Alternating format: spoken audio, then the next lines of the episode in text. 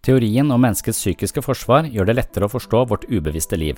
Det er en spennende og interessant teori som kan gi de fleste av oss mer forståelse for egne reaksjonsmønstre, tanker, følelser og mellommenneskelige strabaser.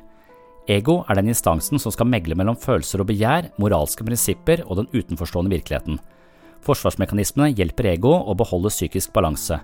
Når det dukker opp følelser og tanker som er angstprovoserende, vil Forsvaret tre inn og sørge for at vi ikke overmannes av psykisk materiale som ligger over terskelverdien for det vi makter å ta inn over oss.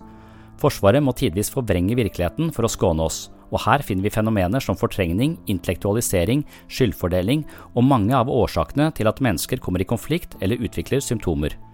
Forsvaret sørger for en slags sjelefred, men prisen vi betaler kan være høy på lengre sikt. I psykodynamisk forståelse er det en sammenheng mellom personlighetsstruktur, forsvarsmekanismer og symptomer. Hør mer om psykisk forsvar i episode 8, 32, 33, 62 og 204 på min podkast Sinnsyn.